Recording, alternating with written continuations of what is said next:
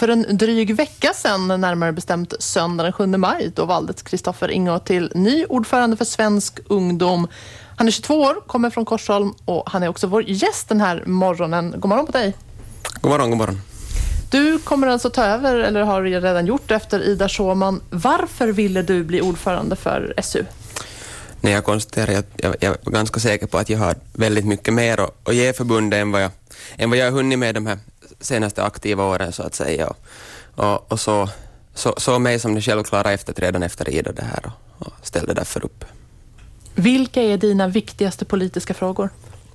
Nej, jag tycker alltid, tycker alltid att, att om man utgår från bra utbildning och gott välmående så, så kan, man, kan man fortsätta göra politik därifrån. Att, att arbetsmarknadsfrågor och, och förstås, i och med att jag, jag har lantbrukarbakgrund, så, så jordbruksfrågor de, de är också väldigt viktiga. Men, men, men unga och utbildning och ungas välmående kommer alltid först.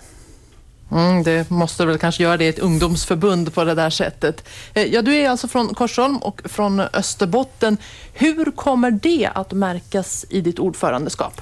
Nej, I och med att jag också blev invald i Korsholms fullmäktige så, så kommer jag förstås att, att satsa hårt på det och, och, och, och göra lokalpolitik här hemma i Österbotten. Och det kommer förstås att, att, att ge exempel och, och, och, och göra, ge mig möjligheten att lyfta upp lokala frågor också som SUs ordförande. Att, att på det viset så kommer det säkert att märkas. Men, men sen måste man komma ihåg att, att SU jobbar på, på, på nationellt och internationellt plan också. Att, att det, det, jag kommer inte på något vis att försöka favorisera Österbotten. Att, att det kommer säkert att märkas att jag är österbottning och jag gör en del österbottnisk politik. Men, men SUs ordförande jobbar för hela landet. Men kommer Österbotten ha en starkare röst i och med ditt ordförandeskap? No, i och med förstås att jag, jag kommer att röras väldigt mycket här och göra, göra politik här så, så, så kan man väl kanske säga det men, men, men, men jag vill nog poängtera att, att jag gör politik för hela svensk Finland. Du är på väg till Helsingfors här direkt efter vår intervju. Ska du ta tåget?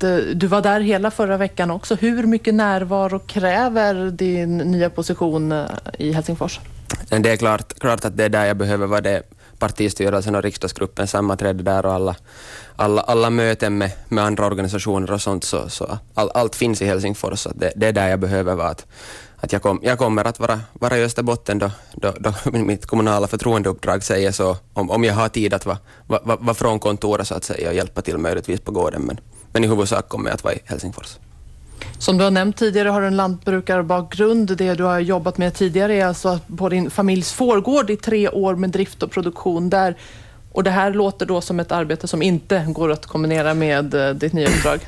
Nej, det, det, blir, nog, det blir nog svårt. Att jag, jag, det är klart att jag kommer att komma hem och hjälpa till då jag har möjlighet och sånt, men, men, men att, att på det viset ha något ansvar och, och, och, och sköta produktion så blir det nog omöjligt. Att, att det, det, blir, det blir farsan som äger djuren som får sköta dem. Du har tidigare varit aktiv i Svensk Ungdom, nu är du ordförande. Var ser du dig själv om fem år? ja, säger du det? Nej, men klart, nu har jag gett in mig på, på, på, politiken och jobbar med politik på heltid, så förhoppningsvis så, så, så, får jag jobba med politik också om fem år på något plan. Men det, det, det, det är så lång, långt i framtiden så det har jag svårt, svårt att svara på nu. Men vad brinner du mest för, det lokala eller rikspolitiken? Både och skulle jag säga. Att det, lokala är alltid det viktigaste, för det, det är ju det som är det är det som är närmast var och en invånare, men, men det är klart att det är rikspolitiken som styr, som styr förutsättningarna för det lokala. Att, att det, nu är det ju rikspolitiken som är allt det intressanta sker.